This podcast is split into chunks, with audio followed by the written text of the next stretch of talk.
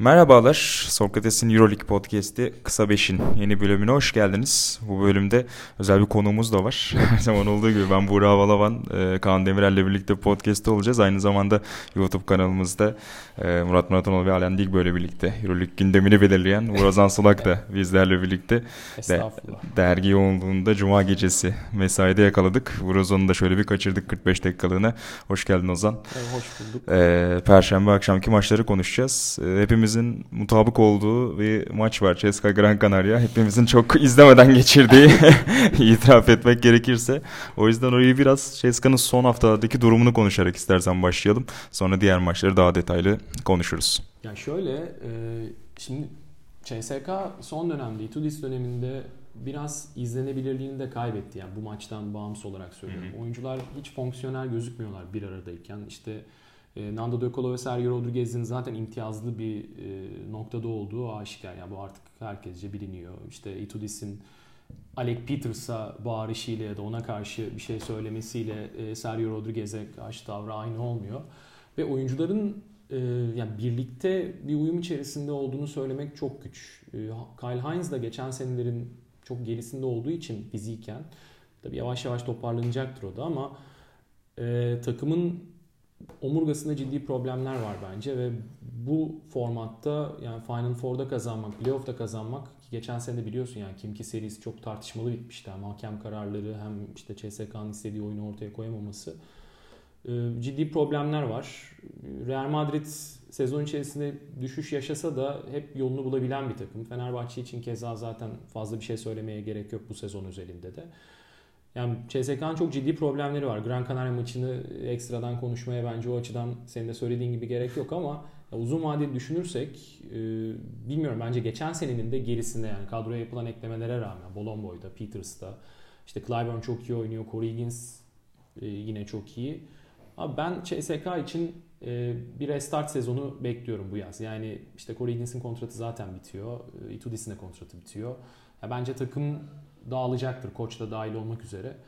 Ee, çok e, uzun vadeli düşündüğümde de parlak bir gelecek göremiyorum. Bilmiyorum siz ne dersiniz ama.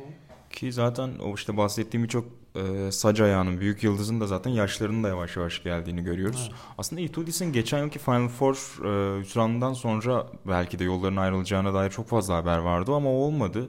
E, ve bu seneye de sanki o hani arada kalınmış, o tam çözümü bulamayan yapı sanki bu sene de sirayet etti. Mesela imtiyazlı e, konumlarından bahsettin Rodriguez ve De Colo'nun. İşte antrenmanlardaki ya da dediğin gibi hocanın e, tavrındaki farklar hep konuşuluyor. Ama ona rağmen hani De Colo da özellikle sezonun ilk yarısında hiç mutlu görünmüyordu mesela. Saha içinde birçok kez çok az oynattı onu. Hakikaten enteresan ruh halleri ya da oyunları. Herhalde Itudis'in kalmasının tek şeyi e, şamp şampiyonluk olur gibi. Ee, bence belki de. O... Ya belki hani iyi bir final de olabilir. Orasını e, kestirmek çok kolay değil ama Batuti'nin önceki yıllara, önceki yıllarda yaptığı hataları tekrarlamak istemediğini e, biliyoruz. Hani bunu da görüyoruz aslında takım yönetiminde. İşte CSK'nın para harcamakla alakalı tabii ki bir problemi yok. Ama ben bunu YouTube'da da konuşmuştuk. Ee, yani David Blatt'ın boşa çıktığı bir yazda CSK'nın hamle yapmamasını çok garipsemiştim ben. Yani hiç CSK'dan beklenmeyecek bir şey. Çünkü yani David Blatt ve CSK bence Avrupa'da olabilecek en iyi evliliklerden biri. Ee, hem işte oyuncu yönetimi hem e, biletin Rusya'yı tanıması, e, Moskova'da kendini iyi hissetmesi vesaire vesaire. Yani koçun motivasyonuna baktığımız zaman e, çok fazla bir problem yok. Ama oyuncuların karakteri sorun. Yani Sergio Rodriguez bu yapıya çok uyan bir oyuncu değil ama bu yapıyı da baştan değiştirebilecek tarzda bir oyuncu değil. Yani e, çok yüklü bir kontratla geldi. O da e, tabii ki buraya kazanmaya geliyor. Evet ama yani işin maddi kısmında ön planda olduğu aşikardı çünkü Madrid, Real Madrid de istiyordu onu. Mutlaka. Ve e, CSK'yı seçti yani. E, De Colo hiçbir zaman hayatında lider olamadı. Yani Valencia'da da değildi. İşte geçmişte Fransa'da da değildi. E, yani biraz daha Teodosic'in yanındaki ikinci oyuncu olarak kariyerin en iyi sezonunu geçirdi ve MVP oldu aslında. Hı. E, Teodosic'i herkes çok eleştiriyor olabilir ama orada takımın liderliğini skorda De Colo ön plana çıktı diye De Colo'ya bahşetmek bence çok doğru olmaz. E, Heinz yani modern dönemin en iyi oyuncularından biri.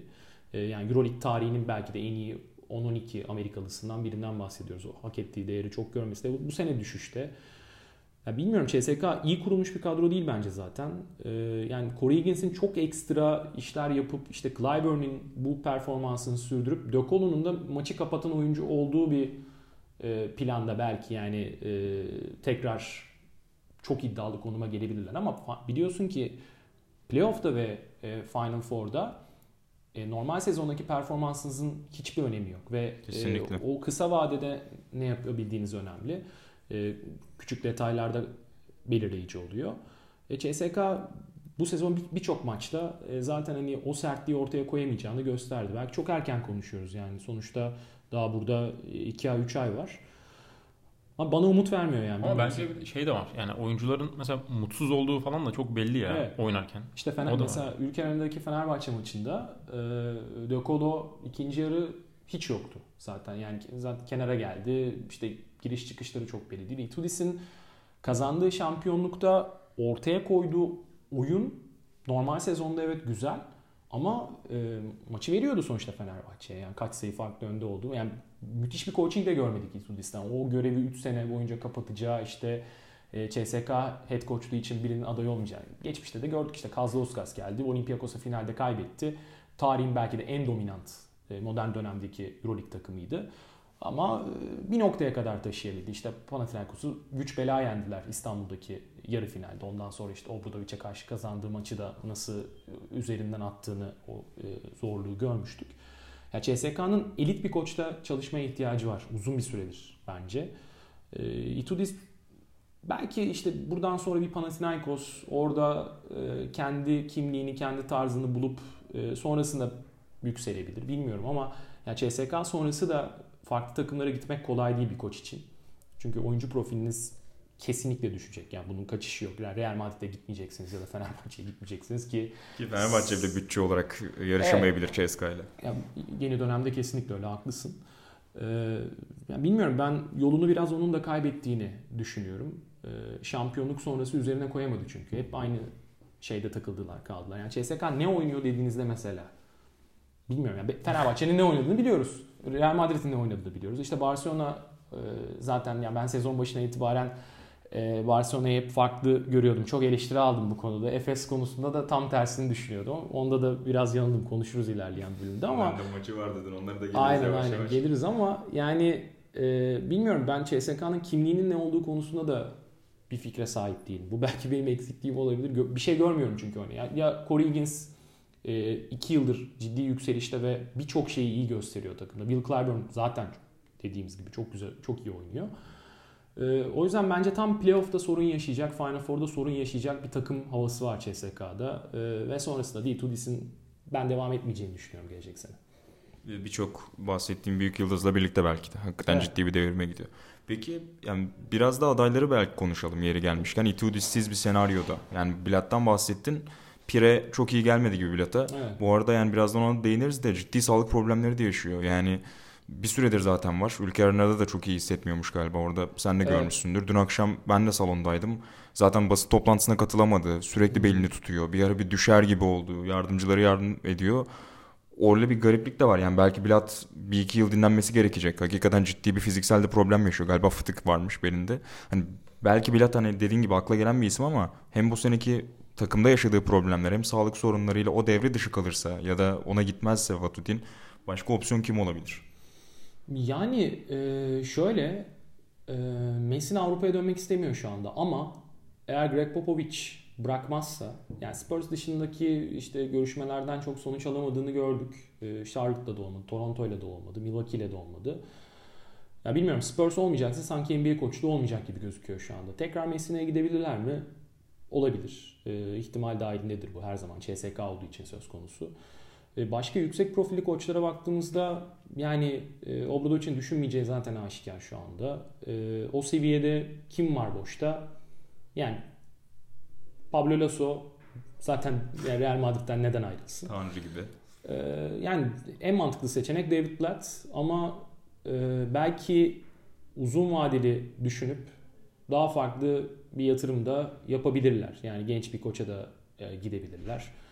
E, şu anda benim aklıma gelen yani CSK koçluğu için aday gösterebileceğim biri yok. Çünkü o çok farklı bir mertebe, farklı bir seviye. E, bu demin konuştuğumuz konuyla alakalı. yani şey bir koç lazım CSK'ya. Hem işte Avrupa'da oyuncuları Avrupa oyuncu havuzunda kendini geçmişte ispat etmiş saygılarını otomatikman kazanıyor. Çünkü Itudis'in bence bu problemi var. Yani oyuncular Itudis'e saygı duymuyorlar yani. Ee, bunu değiştirebilmek kısa vadede kolay değil. Ama Matutin NBA'den de bir deneme yapabilir. Yani mesela işte tam e, eğer Panathinaikos hamleyi yapmasaydı işte Rick Pitino boştayken tam aslında Vatutin'in yapacağı bir hamle. Tam CSK'nın Müthiş bir şov olurdu. tam CSK'nın yapacağı yani Vatutin'in getireceği bir şey ve bir şey söyleyeyim yani Rick Pitino Moskova'da e, bu oyuncu kadrosuyla başarılı olabilirdi mesela. Yani Olabilir. Yani Şu olabi- komik şeyler ola- izliyoruz ama. ola- olabilir diye şöyle söylüyorum. Şovu, yani, da, şovu da artardı orada. ya şöyle söyleyeyim ama yaz başına gelirse yani e, işte Sergio Rodriguez, De Colo falan bunlarla sezon ortasında takımı alıp kendini ifade etmesi kolay değil ama kendi kurabildiği bir takım olsaydı eğer ki yani Panathinaikos'ta da ben yeni son iki haftadır e, şeyler okuyorum yani çok başarısız olmuş ya da işte mahvolmuş ve takımı berbat etmiş gibi de Kadro zaten hiçbir Evet, zaman çok iyi değildi yani. Panathinaikos'ta bana şunu söyle mesela Panathinaikos'ta Türk Telekom bir seri oynadı. Türk Telekom bir seri oynadı. Yani şey der misiniz? 4-0 3-0 bitecek. Der misiniz? Ben kadro Steven Landesberg ilk 5 çıkar bence. bir maç alır. Yani hayır. Panathinaikos'ta çıkar Steven Landesberg. Yani e, çok kötü bir kadrosu var Panathinaikos. Çok ekstra bir kötülükte yani. Nick Kalatis dışında hiçbir oyuncuyu ben Panathinaikos'tan almam şu anda yani. İşin içinde işte şov falan olunca abartılıyor. Evet Birkaç. evet yani Pitino'nun bir de burada başarılı olması istenmiyor tabii ki. Çünkü Avrupalı koçların da kendine ait bir zümresi var ya ve burayı ayrıştırmaya çalışıyorlar haklı olarak. Yani onların da haklı gerekçeleri var diyor. Yani şey olmasın diye Amerika'dan bir adam gel gelsin 3 ayda 4 ayda başarılı olsun ve gitsin. Yani böyle bir şey istenmiyor tabii ki haklı olarak onların perspektifin, perspektifinden baktığımızda. Ama Rick Pitino yani e, çok çok çok büyük bir isim olmasının yanı sıra e, basketbola kattıklarıyla yetiştirdiği koçlarla da ve yani ilham oluş. Yani birçok mesela işte e, 50-55 yaş üstü şu dönemki e, koçların, 40 yaş üstü koçların mesela benim aklıma gelenlerden Ekrem Memnun çok sever e, Rick Pitino'yu. Yani çok fazla e, ilham verdiği insan vardır. O yüzden yani çok kolay da harcamamak lazım bana göre. Ama bilmiyorum senin soruna gelirsek Buğra yani CSK'da yani şu anki Avrupa koç piyasasında mesela Peşiç olabilirdi. Olabilirdi diye söylüyorum yani. Ee, o tarz bir koç lazım. Kesinlikle Obradovic'i isteyeceklerdir. Yani kontrat devam ederken bile ama ben zannetmiyorum Obradovic'in Moskova'ya gitmeyi düşüneceği.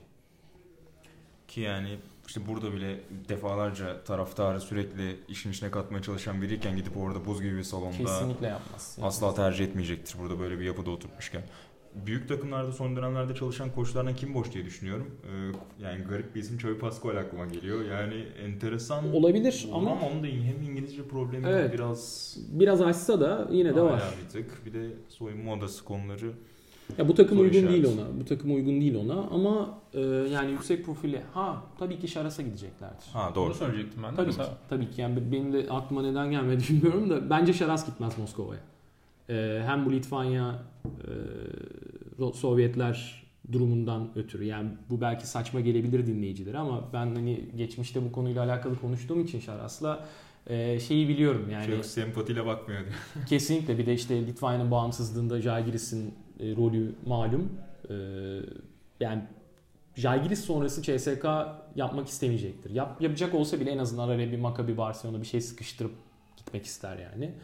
Ama e, CSK kesin ona gidecektir. Hatta yani böyle 10 dakika konuştuk kim olabilir kim olabilir diye şimdi kesin ona gidecektir diyoruz ama yani kesin yazın ilk aranacak telefon Ama e, orası olacak. şeyde de mesela e, Şaras'ın hani çok iyi bir sezon geçirmiyorlar ya. Evet. Ya böyle bırakıp takıma hani hemen gitmesi de garip olmaz mı? Yani şimdi Ya Barcelona ispat- kanıtlamak iste- istediği şeyler yok mudur?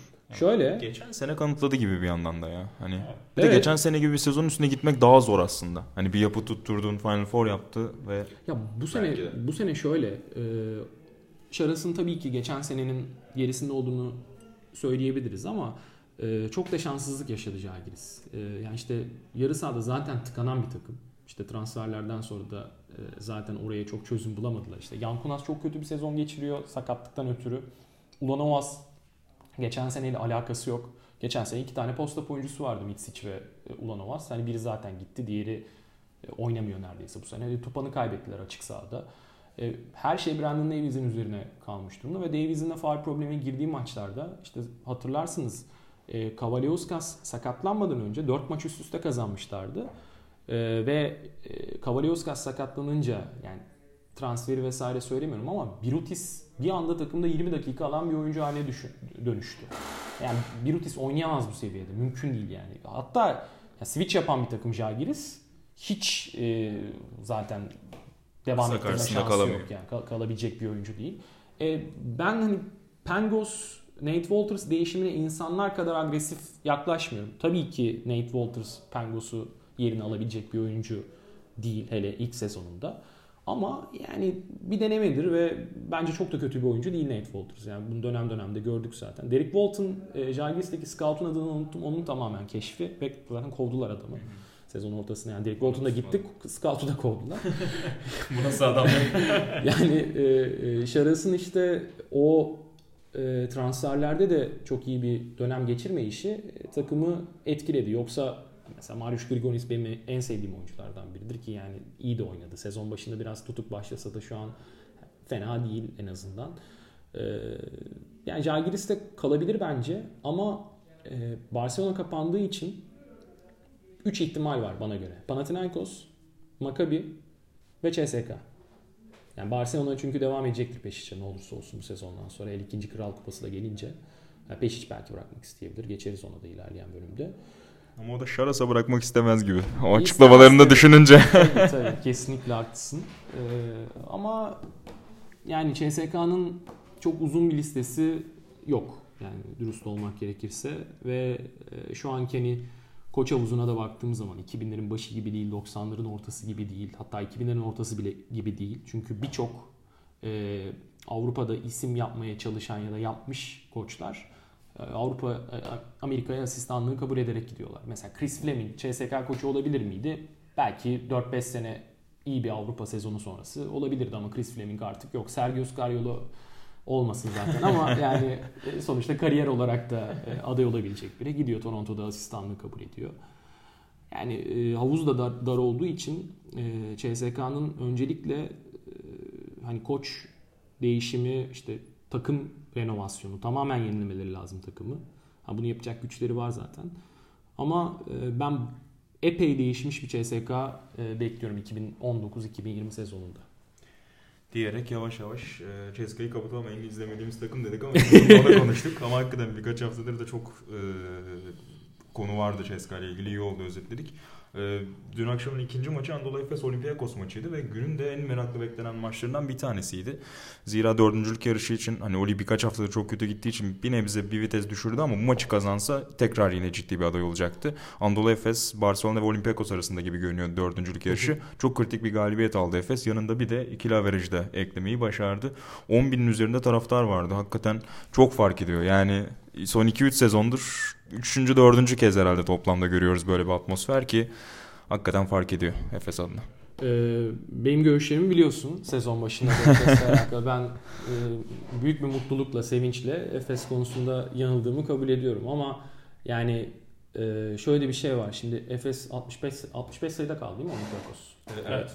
Şimdi 65 sayıda tuttu Olympiakos ama korkunç bir Olympiakos 65 sayıda tuttu. Yani bunu referans noktası almamalı izleyen kimse ya da e, yani Efes'le alakalı tahminde bulunan kimse. Şimdi Efes'in tabii ki umut veren çok şey var bu maça dair. İşte e, Larkin ve Mitz için nihayet birlikte oynayabilmesi, e, Larkin'in Ergin Ataman'la yaşadığı e, problemden sonra, yani problem demeyelim daha, daha doğrusu işte onunla sürtüşme, ka- sürtüşme diyelim. Ondan sonra e, tekrar sahaya dönmesi ve e, işte çok iyi bir performans ortaya koyması. E, ama yani Olympiakos'un da hem rotasyonun çok dar olduğunu hem de hücumda inanılmaz sınırlı bir takım olduğunu söyleyelim. Yani e, geçen biz programda da konuşmuştuk. Yani Brian T. Weber çok iyi bir oyuncu Avrupa için. Yani oynayabilir yani her takımda oynayabilir. İşte topa baskısıyla, e, savunmadaki meziyetleriyle, farklı pozisyonları savunabilmesiyle, slasher oluşu, çembere gitmesi, tempolu oynayabilmesi falan bunlar çok iyi özellikler elbette. Ama Olympiakos'un hiç ihtiyacı yoktu Weber'a.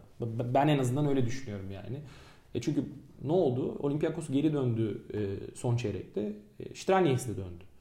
Yani hiç aslında e, planda koy ya da ilk yarıda işte baktığım zaman pot, boyalı alandan sayılar bulundu. İşte Militinov iyi oynadı. Ee, unuttum yedek pivotun adını. Ee, Lidey Zach Lidey bir ara girdi. Plyce'a karşı oynadı. Ki yani Zach Lidey'i ikinci yarıda hiç kullanmadı David Platt mesela. Evet. Ee, yani çok sınırlı bir kadro. Olympiakos. Ee, Spanulis'in kontratı onların belini çok büküyor. Ham, yazın hamle yapmanızı çok zorlaştırıyor Spanulis'in kazandığı para. Ve yani kesemediler o işi. Yani Printezis de işte son, periyotta yine sürükleyici oyuncu oldu. İlk yarıda hiç yoktu. Ama Olympiakos arafta kalmış bir takım. Yani David Blatt Efes'e geldiğinde de bu problemi yaşamıştı. Efes kulüp kültürü olarak işte DNA olarak savunmadan güç alan ve tarihindeki bütün başarıları öyle kazanmış bir takım. Yarı saha oyunuyla savunmasıyla. Olympiakos da öyle. Olympiakos iki şampiyonluğunu da zaten öyle aldı. Diğer finalleri de e, farklı bir oyuna kazanmadı yani. Ve e, baktığımız zaman tüm bu durumda David Platt kariyerinde hiçbir zaman hiçbir zaman böyle oynatmadı takımlarını. Her zaman işte nedir? C seviyesindeki oyuncuları B seviyesine çıkartma, B'yi A'ya çıkartma ve tam sahada oynama. Yani Jeremy Pargo ve Tyrese Rice'la şampiyonluk kazanan bir koç ya da yani Pargo ile gerçi şeyde Hickman'la final, final vardı Pargo ile şeyde Panathinaikos'a kaybedilen final. Yani Tyrese Rice'la kazanılan bir e, şampiyonluk. İşte e, Daçka'da oynadığı oyun belli. E, Rusya milli takımda oynadığı oyun belli. Yani Olympiakos'ta Nigel Williams-Goss kesinlikle o boş şeyi doldurabilecek yani o ayakkabıyı doldurabilecek e, bir oyuncu değil yani. Zaten bir dönem bir çıkış yaptı. Ondan sonra evet. kaç maçtır yani. Maccabi maçında iyiydi e, hatırladığım kadarıyla son dönemde ama e, yani çok ciddi problemleri var Olympiakos'un. Çünkü hiçbir şey öğretemiyorlar. Yani savunmada ne kadar iyi olursanız olun. Efes gibi e, çok potansiyelli bir takıma karşı işte mesela Rodrik Bobo Olympiakos'ta olsa maçı kazanabilirdi Olympiakos. Efes Bobo'yu hiç kullanmadı. Yani sıfır sayı. Sıfır sayı. Yani Bobo Olympiakos'ta olsa hakikaten maçı alabilirdi Olympiakos. Ama Efes Bobo'yu kullanmadan bile e, maçı kazanabiliyor. Ama bu demek değil ki dediğim gibi ben sezon başında e, özellikle Efes'le alakalı e, konuşurken işte 4 numara savunması benim için ciddi bir soru işareti. Muharman iyi başladı ama dönem dönem e, ezildiğini de gördük. Çok faal yapıyor bir de bir süredir özellikle. Maçlarda. Reboundlarda yine beklentinin çok üstüne çıktı ama ne olursa olsun Efes Dunstan'a çok bağımlı bir takım. Hele playoff seviyesi için. Yani bunun e, bir soru işareti yok bence. Doğuş'un zaten çok iyi e, performans verdiğini beklen, beklenen her anda biliyoruz. Ya Boba düşüş yaşasa bile Efes onu kompanse edebilecek bir kadroya sahip ya da Larkin ya da Mitsic neyse. İşte e, zaten Ergin Ataman rotasyonu giderek kısaltacaktır playoff'a doğru. E, ki sevdiği bir tarz zaten. Ama e, ben yani konuşabiliriz, geçebiliriz o konuya mesela. Yani ben Panathinaikos Efes eşleşmesinde Panathinaikos diyorum. Barcelona Efes eşleşmesinde e, bence Barcelona daha şanslı mesela. Ee, yani evet direkt oradan da belki maçları da bağlayabiliriz. Dün Efes'le ilgili istersen saha ile ilgili bir şeyler söyleyip sonra Barcelona'ya karşı e, nasıl gördüğünüzü konuşalım Kaan.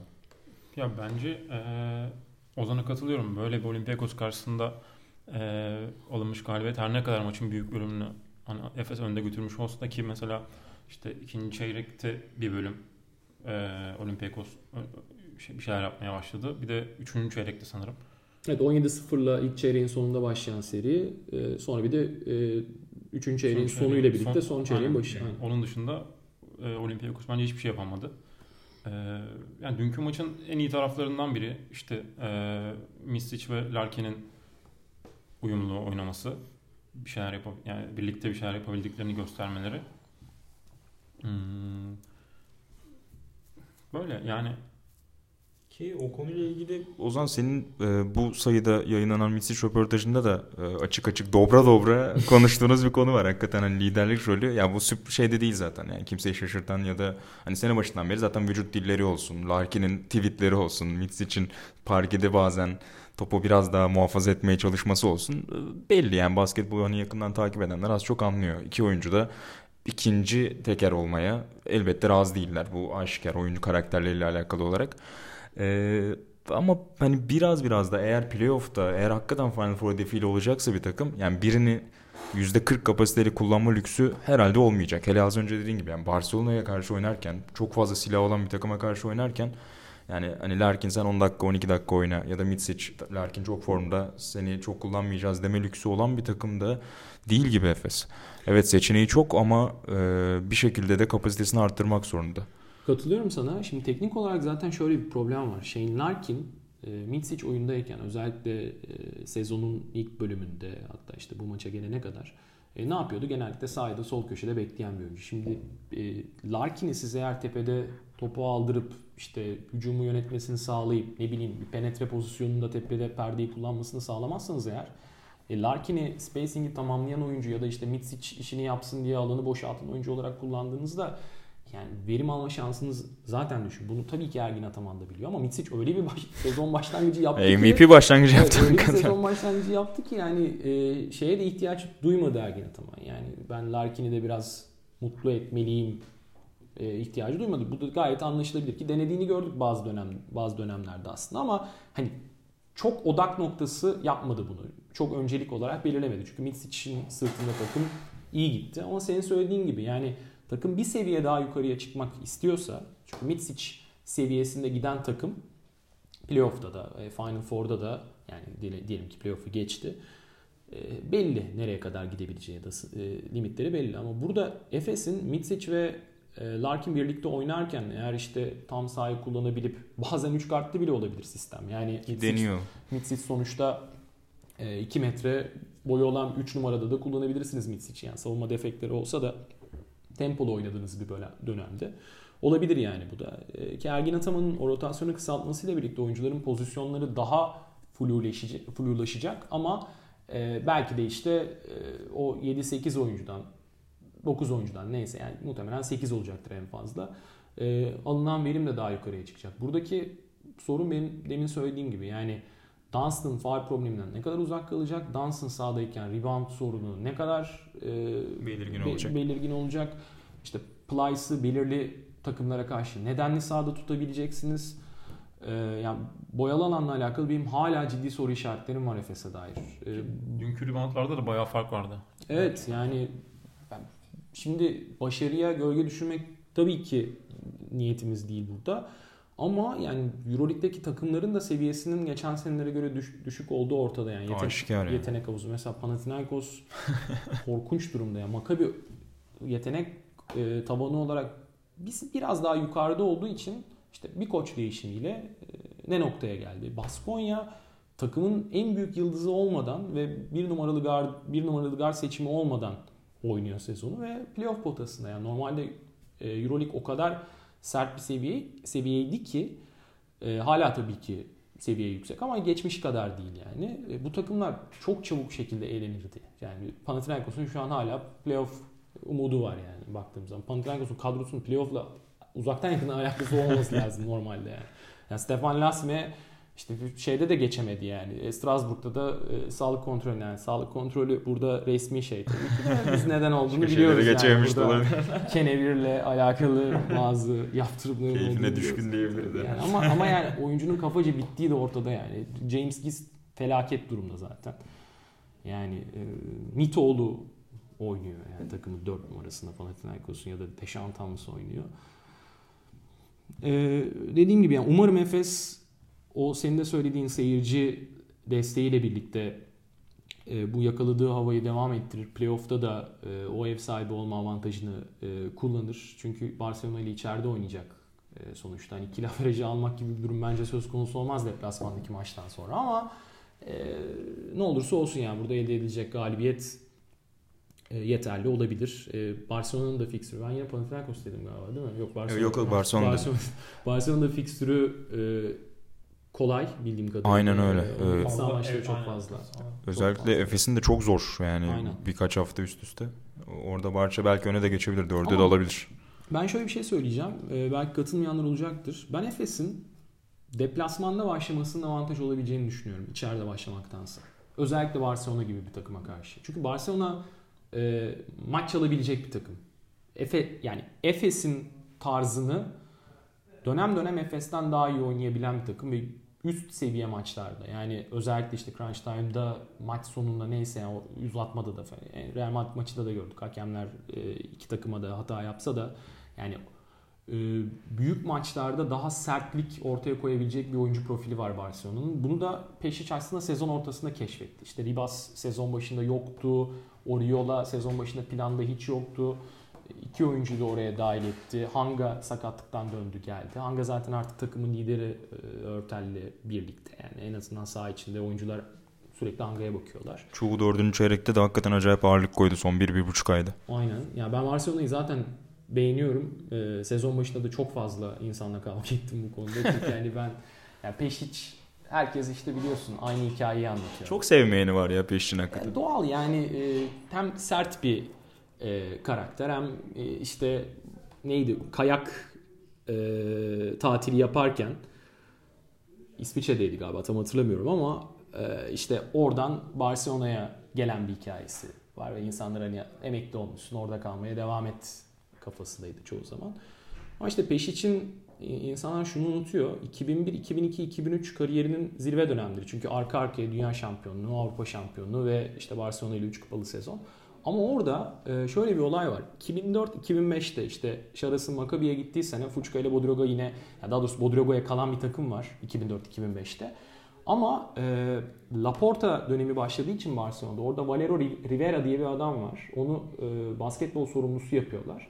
Ve peş anlaşamıyor onunla. İşte görevi bırakıyor. Joao Montes geliyor sonra. Manolo Imenez geliyor vesaire. Ee, sezon ortasında takımdan ayrılıyor. Ve peş için Valencia ile oynanan o playoff serisi haricinde yani top 8'i dahi yok Euroleague'de. Bir şampiyonluğu var 2003. O kadar. Başka Final Four bile yok. Ne Final Four var ne işte dediğim gibi top 8 var. Yani böyle e, Euroleague'de çok böyle başarı kazanmış bir koç değil her şeyi kazandı. Onun haricinde ne, ne bileyim Girona ile Euro Cup'ı da kazandı. Almanya ile Avrupa şampiyonu da oldu. Yugoslavya ile zaten her şeyi kazandı. Ama Euroleague için aç hala. Yani iki şampiyonluğu yok. Bir şampiyonluğu var. Ee, ve aslında tarihte anıldığı koçlar işte Messi'ne, Obradoviç'e bunların çok gerisinde yani. Ve burada kazanmak isteyecektir. Barcelona için de e, önemli bir uyum oldu. Çünkü biliyorsun Buğra yani e, hem Nacho Rodriguez hem Rodrigo de la Fuente çok uyumsuz çalışıyorlardı hem yönetim ve takımla. Ee, şimdi Bertomeu e, bu Laporta döneminde bahsettiğim dönem dönemin bir öncesinde yani o aslında peş için orada olduğu 2003'te e, basketbol şubesinin yöneticisi Barcelona'da. O yüzden çok iyi anlaşıyorlar ve güzel bir uyum var Barcelona'da bu dönemde. Yani ben iyi buluyorum. Ee, çok yetenekli takımlar zaten. Belki de baktığım zaman CSK'nın ardından yani Real Madrid'in dahi işte Doncic'in gitmesi, Yul'ün geçen sezonların gerisinde oluşuyla birlikte Real Madrid'den dahi geniş bir kadro değil ama bireysel çok, oyuncu yeteneği olarak önünde olabilirler yani. Çok da esnekler ya. Ya bunu çok görüyorsun. Mesela işte dünkü maçta Serafen mesela ön plana çıkıyor. Sezon bir döneminde Tom için çok iyi oynadığını gördük. İşte Real'e karşı geri dönerlerken ikisini birden oturtup işte Singleton, Klaver, Oriola yapabiliyor. Bambaşka bir yola gidebiliyor ve bu çeşitlilik dediğin gibi özellikle işte serilerde ya da Final Four'a kalırlarsa tek maçlarda çok çok daha hani karşı koyumuz zor halleri düşürebilir takımları. Çünkü playoff oynarken rakibe karşı plan yapıyorsunuz. Mesela Efes'e karşı plan yapmak Hı-hı kolay olacak. Çünkü kısa üretkenliğine çok bağlı bir takım. 4 numara savunması çok zayıf bir takım. Dunstan'ı ilk çeyrekten iki faal aldığı anda ciddi Aynısını problem yaşayacak bir takım. Aynısını diyecektim. Yani çünkü Serafan'ı da oraya atabiliyorsunuz. E, Tomic'i de atabiliyorsunuz. Ve bu oyuncular zaten 5 numaraları faal aldıran oyuncular post-up'ta. İster istemez. Yani bu Dunstan'ın suçu olmayacak ama e, dediğim gibi yani Plyce oyundayken mesela takım kısaldığında karşı, karşı takım kısaldığında Efes'in e, yani çözümleri pota altı rotasyonu bana hala ve hala e, çok dar geliyor. E, ve yani normal sezon performansı bunu elbette gizlemiş olabilir. E, bir şey diyemem ama playoff'ta nasıl çözecek bu sorunu Ergin Ataman ben de merak ediyorum. Çünkü playoff'ta biliyorsun yani artık maç hazırlığı yapıyor koçlar. Şu anda artık Euroleague'de şey yok ki. Ne bileyim 2005'teki gibi rakip scouting. Böyle bir şey yok yani. yani bütün koçlar söylüyor Haftada zaten. maç oynarken. Haftada yani kimse ne bileyim kimse şey bu hafta Baskonya ile oynuyoruz. Ee, biz işte Baskonya için oyun planımızı şu şekilde değiştirelim var olabilir belki ama e, biz Baskonya için işte topa baskı normalde hiç yapmıyoruz. Full topa baskıyla oynayalım. Her şeyi değiştirelim. Bütün sistem baştan aşağı yazılsın. Böyle bir şey yok. Zaten bunu bütün koçlar söylüyor. Ee, sadece işte yani günlük değişimler olabilir. Ee, haftalık bazı ekstra hamleler olabilir ama geçmişteki gibi herkes mesela Fenerbahçe bir kanto maçı oynamıştı hatırlarsınız çıkma kalma maçı. Ne bileyim 3 hafta önceden o maça hazırlanabilirsin. 2 hafta önceden o maça hazırlanabilirsin ama yani bu, bu, bu sefer böyle bir şey yok durumda. Playoff'ta ise işler değişiyor. Yani e, orada artık tamamen seri oluyor ve e, yani Barcelona'nın kadrosu gerçekten geniş, baskın ve e, bilmiyorum yani ben Efes'e karşı olası bir eşleşmede önde görüyorum ama Efes diyelim ki Olympiakos'la eşleşti kesin Final Four'a gider. Yani ki ben bence şu haldeki Olympiakos'un ha orada da sadece şey olabilir. Yani David Blatt Daçka ile bile Real Madrid'de problem yarattığı için seri e, mevzu bahisi olduğu zaman e, playoff eşleşmelerinde çok baskın bir koç. Hep böyle oldu yani Maccabi'de de böyleydi. Ha o öyle bir sorun olabilir. Yani şapkanın anca artık tavşan falan da değil yani başka bir hayvan çıkması lazım Olympiakos'un başarılı olabilmesi için.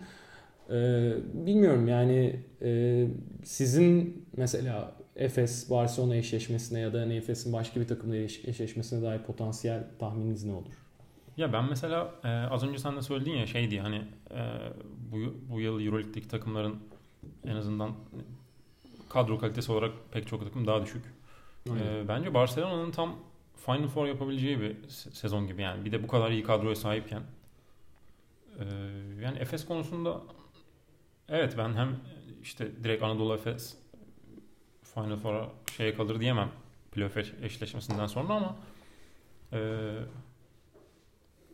yani ben mesela Barcelona şey yapar derim ya Final Four yapar derim o eşleşmede. İkisinden birini tercih edecek hani bir sorulsa Barcelona derim. Yani ki işte Olympiakos dediğin gibi bayır aşağı giderken 4-5 eşleşmesi hani kimin sahada olacağı belki değişebilir ama herhalde Efes Barça olarak kalacak yani bu saatten sonra çok Evet, çok... Ciddi bir dramatik bir fark lazım. Bence de, ee, bence de öyle Ciddi bir kriz yani. lazım. Ama işte şey yani Efes'in mesela Oktay Mahmuti ile e, bir tanesi Peresovic tabi. Bir Peresovic bir Oktay Mahmuti. İkisinde de Olympiakos'a aslında Final Four'un ucundan döndüğü e, dönemler var ki Peresovic döneminde aslında sağ avantajı olmamasına rağmen sağ avantajını deplasmanda kazanarak almıştı Efes. Alex Körk'ün basketiyle. Alex Körk'ün basketiyle. e, Oktay Mahmuti döneminde de işte zaten yani son maç Olympiakos oradan gidip zaten şampiyon oldu da yani tartış... Jaman Gordon sakatlanmıştı galiba değil mi? Öyle saçma bir şey olmuş. Aynen. Ee, yani Efes'in o dönemlerden kalan oyuncuları da yok. Çok yeni bir kadro. Bunlar problem. Tamam Barcelona da yeni bir kadro. Evet ama yani ne bileyim Chris Singleton'dır işte Hanga'dır sonuçta. Avrupa'da o seviyede çok uzun yıllardır e, oynayan oyuncular Singleton değil belki ama Hanga oynadı. Ya da ne bileyim e, baktığım zaman kısalara Pengos geçen sene zaten Final Four oynayan takımdan geliyor. E, Örtel o bahsettiğimiz eşleşmede oynadı ki Örtel'in Efes'e karşı bayağı iyi, bayağı iyi bir seri çıkaracağını ben tahmin ediyorum. E, çok da formda zaten. E, yani Kral Kupası'nı tek başına aldı diyemeyeceğim ama olmasa kesinlikle alamazdı Barcelona. Müthiş oynadı. Dün de öyle. Dün de, dün de öyleydi. Yani e, Peşic onu saklamayı, e, onun defeklerini gizlemeyi e, başarmış gözüküyor. Barcelona'nın güveni yani Ocak'tan sonra, Ocak ayıyla birlikte iyice artık yukarıya çıktı. İşte çok doğru zamanda form tuttular. Yani kamyon gibi geliyor Barcelona. Yani Kral Kupası da öyle bir yerde geldi ki hakikaten. Yani özgüven zaten zirvede bir doz daha e, bir madde Ve aldılar. yani. yani oyuncu takım kadrosu zaten çok geniş. Herhangi bir sakatlık problemi de yok. Ya mesela Serafan geçen senenin büyük bölümünde sakattı. Yani ne olursa olsun. E Tomic hiç oynamıyordu. Şimdi iki tane oyuncu geçen sene kadronuzda olan şu an ana planda ciddi anlamda verim aldığınız oyuncular. Yani Tomic çok alay ediliyor. E, Tomic'le yani ben tamam ilk 5'te belki başlamayabilir ama e, kadro içerisinde ya da oyun içerisinde farklı bir alternatif, farklı bir çeşitlilik kazandırabildiği için hala önemli bir oyuncu Tomic yani sahip. Aynı aynı Tibor Plyce gibi. Yani Tibor Plyce değersiz bir oyuncu mu? Kesinlikle değil. Yani belki ilk 5 başlatmazsınız artık zaten kariyerinde öyle bir dönemde değil. Ha, Tomic Plyce kadar da tabii sert değil yani boyalı alanda koyduğunuz zaman e, kapatabilecek bir oyuncu değil. Ama e, yani kullanabiliyor Barcelona'da işte onu da kullanabiliyor. Yani Ribas mesela müthiş şut atıyor son dönemde son bir ayda. Yani oyuncuların performansları da maksimize edilmiş durumda. Peşiş de çok motive gözüküyor. Barcelona zaten yani 2010'dan bu yana en büyük problemi uyumdu. Yani Pascual çok güçlü bir figürdü Barcelona'da. Hep öyleydi yani. Ama oyuncular yani soyunma odasında oyuncularla e, iletişimi ve e, oyuncuların ona karşı duyduğu saygıda yine problem vardı. Ama kulüp içerisinde çok baskın bir figürdü e. Hiçbir zaman yani işi tehlikeye ciddi anlamda girmedi. E, finaller Real Madrid'e kaybedilse bile İspanya Ligi'nde. E, o yüzden yani bir uzun vadeli çalışacak bir koç Peşiç yaşlı olmasına rağmen, ilerlemiş yaşına rağmen bu şeyi verdi yani. yani Peşiç ben bir sene, iki sene, üç sene artık ne kadarsa e, buradayım diyor Barcelona performansıyla birlikte. Efes tarafında da Barça'nın zenginliğinden bahsettin. Yani Efes'in de biraz daha çözüm araması gerekecek bence sezonlar hazır son bölümde yaklaşırken. Yani 4 numara zaten Motum parkedeyken asla savunamıyorsun. Yani Moerman'ın bile defekleri olduğunu söyledik. Motum zaten tahammül edemiyor Ergin Ataman. En ufak bir hatasında tepkisini de zaten ekrandan da görebiliriz diyenler. Ee, ya benim aklımda hep sene başından beri şey var. Yani o çözüm ararken yani James Anderson'ı bir noktada hani bir 6-7 dakikada olsa e, 4 numaraya çekip hani bir şekilde yani ilk üç pozisyonda zaten hani derinliğin var. Bir şekilde orayı doldurabilirsin. James Anderson'ın kullanmadığı bir maçlar daha iyi oluyor hatta. Orada Simon'da, Doğuş'ta formdaysa. Hani belki öyle bir kısa beşle hani Moerman'ı dinlendirirken böyle bir çözüm belki arayabilir gibi geliyor bana sürekli. Olabilir ama o beşte de Simon'un sahada olmaması lazım. Ee, çünkü yani iki kan- kanadı da e, sıkıntıya sokmuş oluyorsunuz. Yani Simon da bakma çok iyi oynuyor ama savunmada Tabii. Çok büyük sıkıntı. Yapıyor. Yani. Foul yapıyor.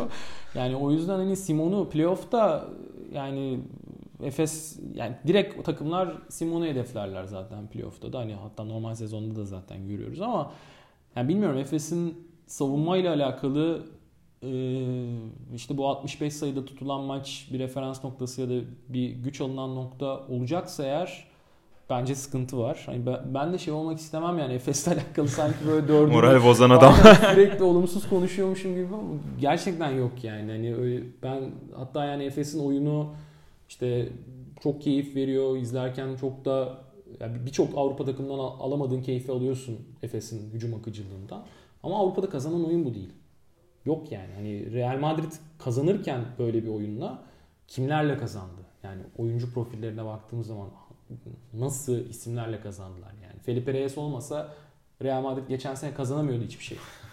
Panathinaikos serisi bitmişti Felipe Reyes olmasa o vakada. Efes'te yok Felipe Reyes. Yok yani belki ileride olacak vesaire ama yani e, gerçekten savunmadan güç alınabilecek Dunstan'ın yanında bir oyuncuya daha ihtiyaç var. Özellikle boyalı alanda ya da forvette. Anderson bilmiyorum belki olabilir ama o da işte sonuçta kısa yani pozisyon için. 1.98 ya da 1.97. Evet yani biraz geniş göründüğü için daha uzun evet, sanıyor evet. insanlar ama yani Motum'a göre Motum'a daha iyi olacak. Da, yo, yo, yani kesin ona katılıyorum. Başka bir de alternatif yok şu anda. Yani Metecan'ı düşünmeyeceksin orada. İşte bu belli. problem abi yani bu Ama tabii ki problem aynen bu, öyle. Bu yani e, playoff gibi bir yerde Barcelona'ya karşı oynuyorsanız özellikle kadro genişliği olarak söylüyorum. Çünkü Barcelona yani ne bileyim Oriola'yı 4'te de kullanıyor, 5'te de kullanıyor. Ee, geçen maç işte Tomic ile Oriola zaten birlikte oynadı. Serafan'la da birlikte oynuyorlar. Ne bileyim Hanga'yı da 4 numara kullanabilirsin. Hanga'yı 2 numara Hanga'yı 2 kullanıyor aynen. Yani e, Klaver'i 3 kullanırsın, 4 kullanırsın. Kuban'da 5 de oynadı bazen yani geçmişte. Neyse. Yani çok alternatifli bir takım Barcelona'da. O yüzden yani Efes'in oyununu e, bozabilecek e, düzeydeler. Ama Ergin Ataman'ın da motivasyonunun peş işle çok benzer olduğunu düşünürsek o da kuşkusuz Efes için e, ciddi bir katkı. Yani Ergin Ataman e, geçen bir Instagram postu atmış. Bugün ya da dün galiba bilmiyorum dün gece. İşte 6. adam e, ile alakalı.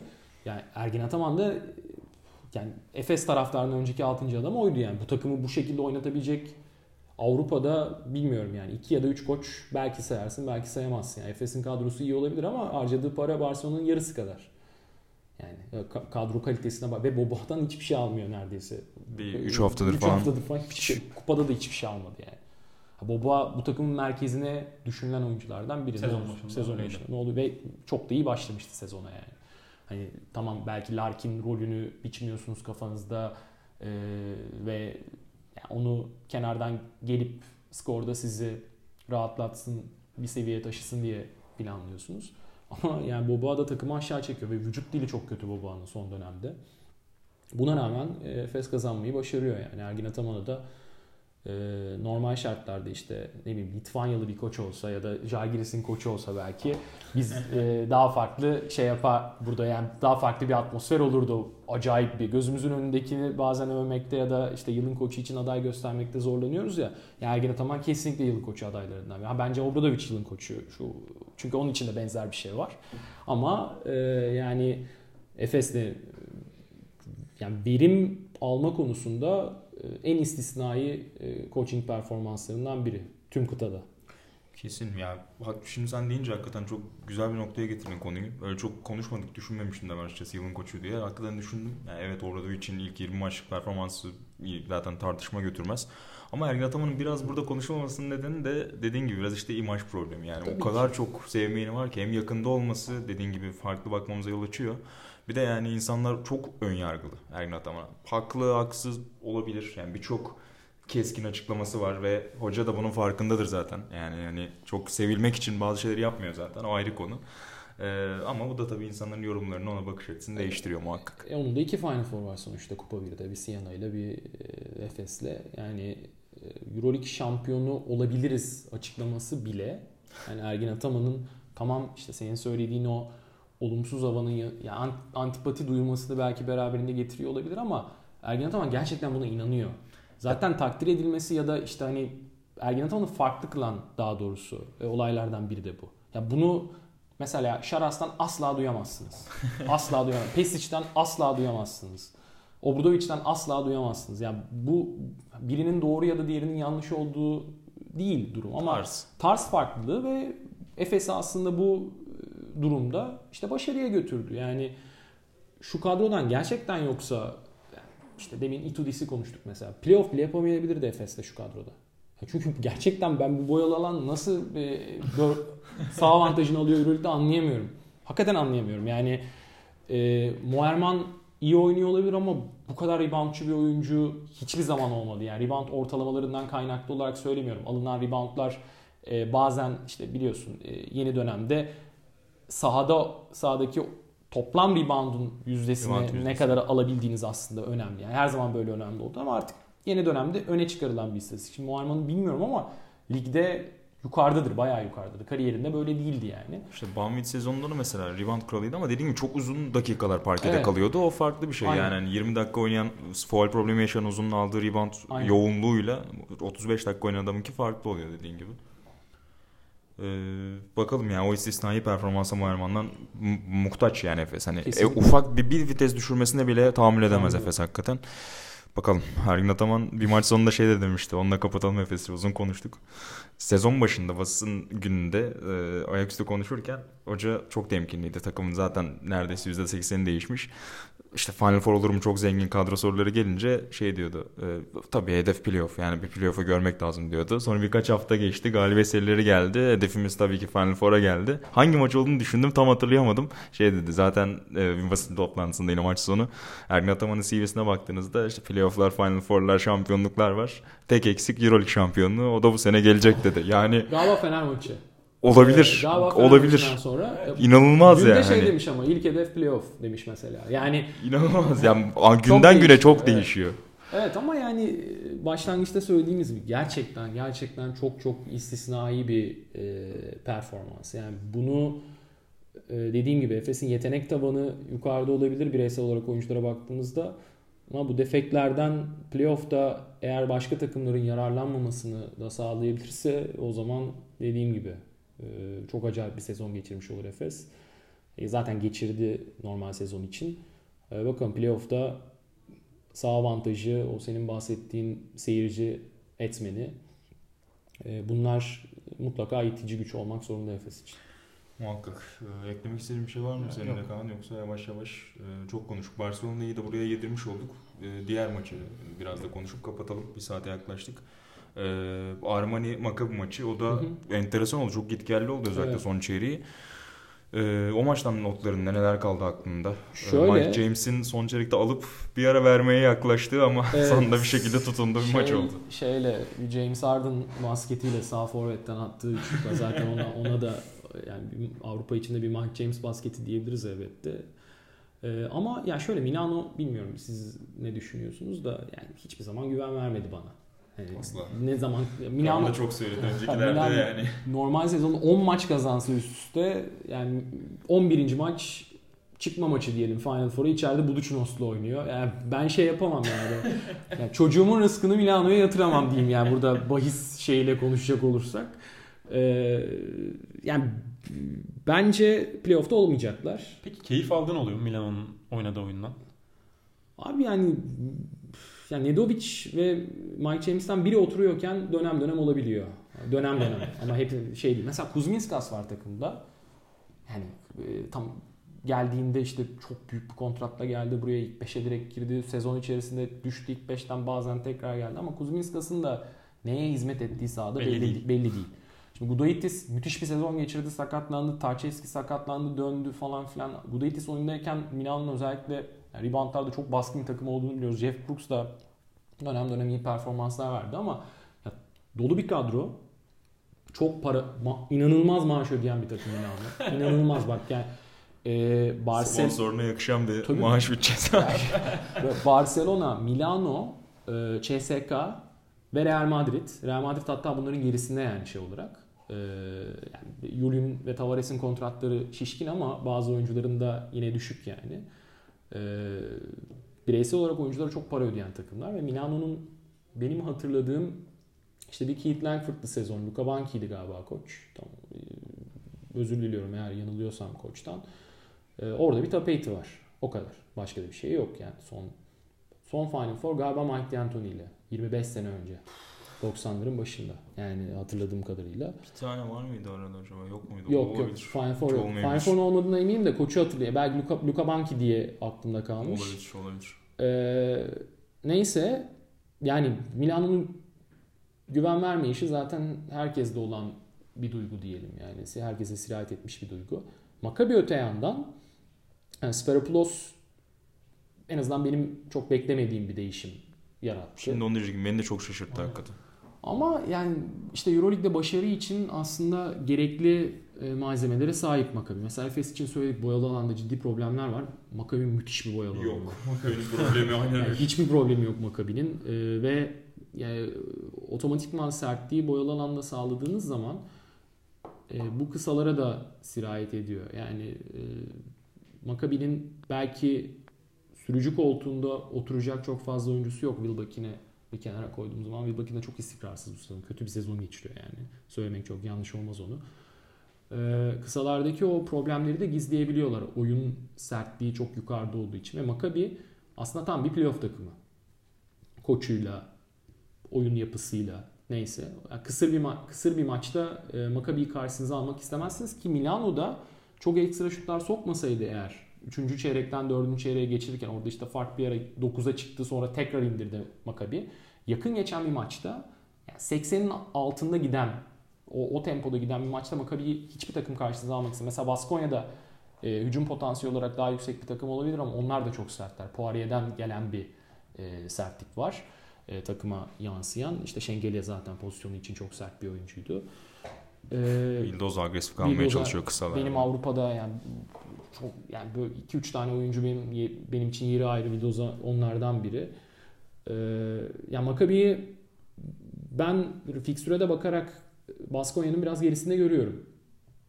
Ama son ana kadar gideceklerdi. Maccabi'nin yani. çok deplasman maçı var galiba yanlış evet. hatırlamıyorsam. Deplasman maçı da deplasman maçından ziyade şey de var. Ee, işte Baskonya'yı kaybettiler ya. Baskonya maçı kazansalardı mesela bu deplasmanda oynadıkları çok ciddi bir avantaj olacaktı ama içerideki maçları da zor diye hatırlıyorum. Hatta yani bir yandan da göz atmış oldum dediğin gibi. Şu anda bakayım ben de. Bir saniye. Neredeydi? Hı. İşte içeride Efes. İçeride e, Jagiris var. Deplasmanda Fener var.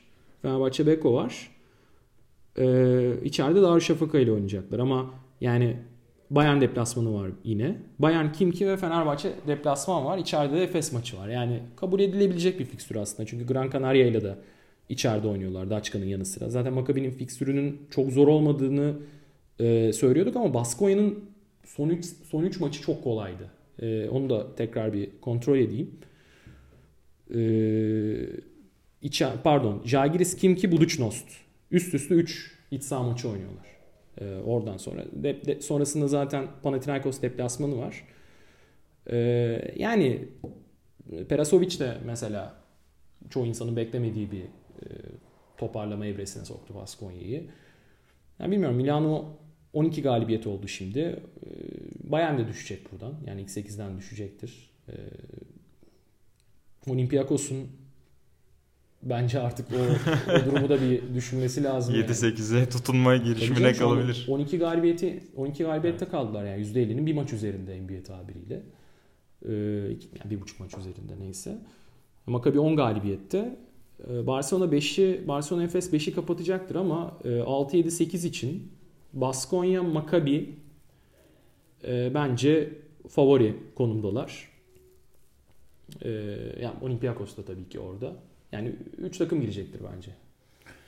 Ya hakikaten e, çetin olacak. Son haftalarda kalacak büyük ihtimalle zaten en azından 8 koltuğu. E, ama Maccabi ya hakikaten sorun yaratabilir. Tek bence problem yani hala bir numarada çok güven vermiyorlar. Yani Wilbeck'in büyük şutları teslim etmek isteyeceğiniz bir oyuncu evet. Ama maç genelinde çok verimsiz. Yani Jeremy Pargo döndü. Di Bartolomeo'nun süreleri çok kısaldı ki iyi gittikleri dönemde Sferapoulos'un ilk döneminde Pargo da sakatken Di Bartolomeo gerçekten çok iyi katkı veriyordu kenardan gelip. Hem takım oynatma anlamında hem e, kendi stoklu şutlar anlamında. Pargo yani biz Kaan'la çok e, gülerek e, andık Fargo'yu e, birkaç hafta önceki performanslarında. Bilmiyorum sen ne düşünüyorsun ama ya çok garip bir oyuncu. Yani hiç umurunda değil etrafındakiler. E, yani biraz hani sakatlığın etkisini atıp ya bir de Maccabi taraftarları çok seviyor gördüğüm kadarıyla Fargo'yu. Sen daha iyi biliyorsun. E, herhalde hani o kahraman şutlarını sokup e, kucaklaşmak istiyor bir kez daha hatırlatmak istiyor kim olduğunu o salon için ama hakikaten hiç takım oynatılan, oynatacak guardlar değil. Yani son bir iki haftadaki belki son bir iki maçtaki hani Michael Roll'un e, biraz daha iyi performansı hani bir çözüm olur mu olmaz mı soru işareti Maccabi için. Ben biraz hani orada çok güvenemiyorum. Yani takım arkadaşı oynatma konusunda ne Wilbeck'in ne Pargo yani Roll'da tabii. Ee... Şimdi roll, Roll'daki problem de Simon'da bahsettiğimiz e, sorun. Yani yine playoff'ta oyuncular onu, rakipler onu hedefleyecektir. Güçlenebilecek sağda, bir adam. Sağda kaldığı süre boyunca. Ee, Pargo'nun bir dinamizm getirdiği ortada ama yani 2010'daki Pargo yok yani. Üç, zaten 3 tane diz sakatlığı oldu. Yani bir tanesi galiba menisküs. Ee, işte 2010'da buradaydı. Sonra Memphis'e gitti. Ee, sonra zaten işte arada bir Venezya'sı Çin vardı. Var buraya, galiba. Çin var. Buraya gelmeden bir Venezya'sı vardı. Ee, yani Wilbeck'e onlar da kısa rotasyonda bağımlılar ve bu tabii ki artık sezon ortasında değişecek bir şey değil. Ee, bir günü diğerini tutmuyor Wilbeck'in. Milan maçında 20 sayılara çıkmıştı e, eğer yanlış hatırlamıyorsam ama yani sezon içerisinde de çok kötü oynadığı maçlar var. Olympiakos maçı mesela iç sahada ilk yarıda berbat bir performans ortaya koymuştu ama demin konuştuğumuz olayla alakalı o maçta çok düşük sayılarda kalmıştı takımlar ve Maccabi e, kazandı yani ki e, aslında Bilal tam da kıvamına istediği kıvama getirmişti maçı. Maccabi sert kaldı. Hem e, işte yani Alex Tyson bile aslında dönem dönem çok çok iyi, çok elit Euroleague uzunlarından biri gibi gözüktüğü bir e, yapı var Maccabi'de. Yani o kadar sertler ki işte Tarık Black de, Johnny O'Brien da e, Avrupa'da ilk sezonlarında büyük etki yarattılar. Yani kim ki de işte Jordan Mickey'i belki bu klasmana koyabiliriz benzer profilde yani ilk sezonlarını geçiren oyuncular arasında. Ee, bana umut veriyor Makabi baktığımız zaman. Ya Michael Roll yanlış hatırlıyorsam zaten Beşiktaş'tan da çok e, iyi bir oyuncu olarak ayrılmadı. Yok öyle. Yani iyi bir oyuncu. Yani şey iyi daha bir... doğrusu nasıl desem e... Euroleague elit elit oyuncu seviyesi evet. olarak tabii evet. ki değil. Evet yani o bir, bir basamak çıkacağı planlandı ve yani oraya aday olduğu düşünülerek alındı. Yoksa çok değil Beşiktaş'tan 2 sene önce büyük çekmecede oynuyordu zaten. Ee, ama şey yani Ufuk Sarıcı ile birlikte ikili oyunu yönetti. Ee, işte iki numarada ekstra bir guard olarak kullandı onu. Ama yani Makabi'nin oyununda e, şutör eksikliği de var. O yüzden yani rolun böyle ikili oyunu yönetecek bir oyuncudan ziyade biraz daha bitirici rolde kullanılması lazım. Yani ki kullanılıyordu. Kullanılması lazım demeyeyim de. Aynen. Ki dün ikinci yarıda dediğin evet. gibi oradan katkı da aldılar. Dribbling üstü şut atabilecek çok fazla oyuncu yok. Yani Wilbeck'ini e, şeye koyuyor. Yani Pargo'nun zaten korkunç bir şutu var yani. yani Pargo direkt potaya gitmek için uğraşıyor. Ee, öyle yani bir eksiklik oldu ortada yani. İşte Efes'i diyoruz ya boyalı alanda problem var. Makabi'de de kısa rotasyonda problem var. Ama e, boyalı alan Avrupa'da yeni trend. Yani pot, potu altı yeni trend. İşte Obradovic'in yine aslında öncelik e, olduğu bir konu. Artık takımlar yani pivotların Avrupa'daki oyunda daha baskın hale gelmesi, işte Brandon Davis ve Jan Veseli gibi oyuncuların değerlerinin geçen seneleri oranla 2-3 kat daha yukarıya çıkması vesaire. E, farklı profilde uzunlar e, ligi domine etmekte ve playoff'ta başarılı olmakta daha e, garanti etmenler e, diyelim. Çünkü kısaları yani kaliteli kısaları tutamıyorsunuz Avrupa'da. Öyle bir pro- orada Tarık Black Tarık Black var. Johnny O'Brien çok iyi oynuyor. E, yani çünkü kısa oyuncu kısa oyuncuların Avrupa'daki havuzu bir çok senelik, çok iki senelik yani işte Campazzo mesela damga vuruyor. Ee, İspanya pasaportunu almasaydı Mursia'daydı hala. İspanyol pasaportunu alınca şans bulabildi. Ve e, belki de NBA'ye gidecek buradan sonra. Çok kısa bir süre içerisinde. İşte Doncic bir sene yani bir önceki seneyi saymıyorum yani. E, MVP kalibresinde bir sene oynadı gitti. Kısaları tutamıyorsunuz. E, uzunlar da e, ya bu son dönemdeki trendle birlikte Euroleague oynamadan gidiyorlar yok iç gibi. Yani işte Goga Bitatsi'yi de sayma yani. Euroleague oynadı sayılmaz bu yani. Cici gibi. Half and done. Aynen. Gel, geliyor. Geliyor yarım sezon. Ee, işte Mişko bir de şey koyalım. Draft gecesi ESPN yayınının alt bandına Euroleague ortalamalarını HD video dönsün Aynen, orada diye. Yani orada orada e, yani o da konuşulsun vesaire diye. Sonuçta yani Goga Bitatse şu anda daha fazla kişiye ulaşıyor. Daha fazla insanın dikkatini çekiyor. Yani bu, bu anlaşılabilir bir tercih. Bunu eleştirdiğimizden değil ama ne kadar gerçekçi onu konuşuyoruz. Yani Avrupa'da Goga Bitatse'nin Euroleague etkisini nedir ya hatırlayacak mıyız 15 sene sonra Goga Aa hakikaten Euroleague'de de oynamıştı falan diyeceğiz belki yani. Ee, o yüzden yani uzunları etkin kullanabilen takımlar ve Sferapoulos'un aslında dil bariyeri olarak yani Maccabi'de çok baskın bir e, kültür varken işte İsrail oyunculardan güç alan takım artık değişti. Öyle bir şey kalmadı e, eskisi gibi ne bileyim de. David Blutent, ya David Blue ve e, işte Derek Sharp'lı dönemler e, gitti. Yani Guy Pinini artık belki son şeyiydi onun. O takımlardan kalan son oyuncuydu e, bir sonraki dönemden. E, şimdi değişen bir kadro. Amerikalı oyuncu ağırlıklı bir kadro. E, ve e, Maccabi'nin geçen senelerdeki e, o transferleri de artık pasifize sezon içerisinde ettiğini gördük. Yani Maccabi normal şartlarda yeni bir koç geldikten sonra işte Jan Tabak da bunu yaptı.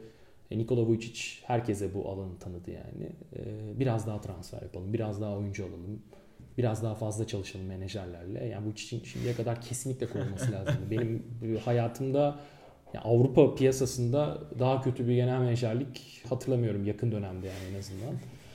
Ee, kesinlikle gönderilmesi lazımdı şimdiye kadar ama işte yani farklı etmenler var orada.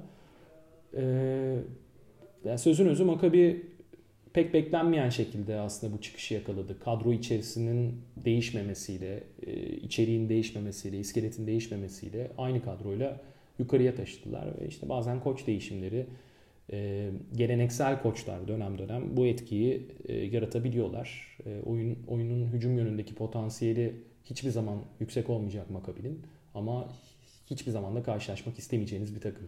Özellikle Tel Aviv'deki atmosferi de son dönemde düşündüğümüz zaman. Onu da kaybetmişlerdi çünkü bakma yani.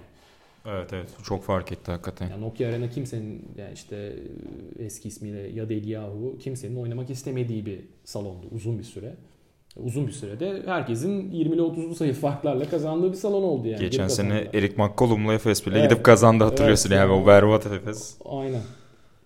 Maç kazanmıştı. O durumda değişti tabii dediğin gibi Seferopoulos'un gelişiyle birlikte.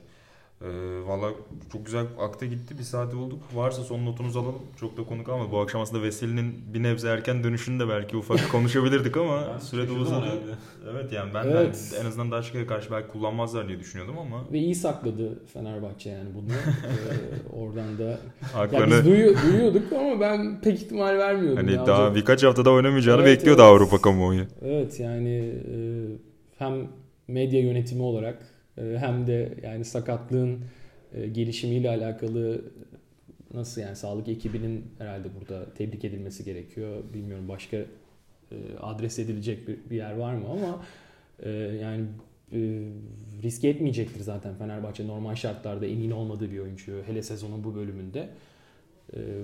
Yani sezon içerisinde de böyle bir değişimi saklayabilmeleri takdire şayan. Ki oraya da şapka çıkartıp yavaş Aynen. yavaş kapatalım. Buradan Tüm teşekkür ederim. Sağlık ekibine e, buradan takdirimizi, tebriğimizi sunalım. E, Burazan teşekkür ederiz. teşekkür Keyif ederim. kattın hakikaten. E, ben Burak Balaban, Kaan Demirel'le birlikte e, yeniden sizlerleydik. Önümüzdeki haftalarda bir kez daha buluşmak üzere kısa beşte. Hoşçakalın. Hoşçakalın.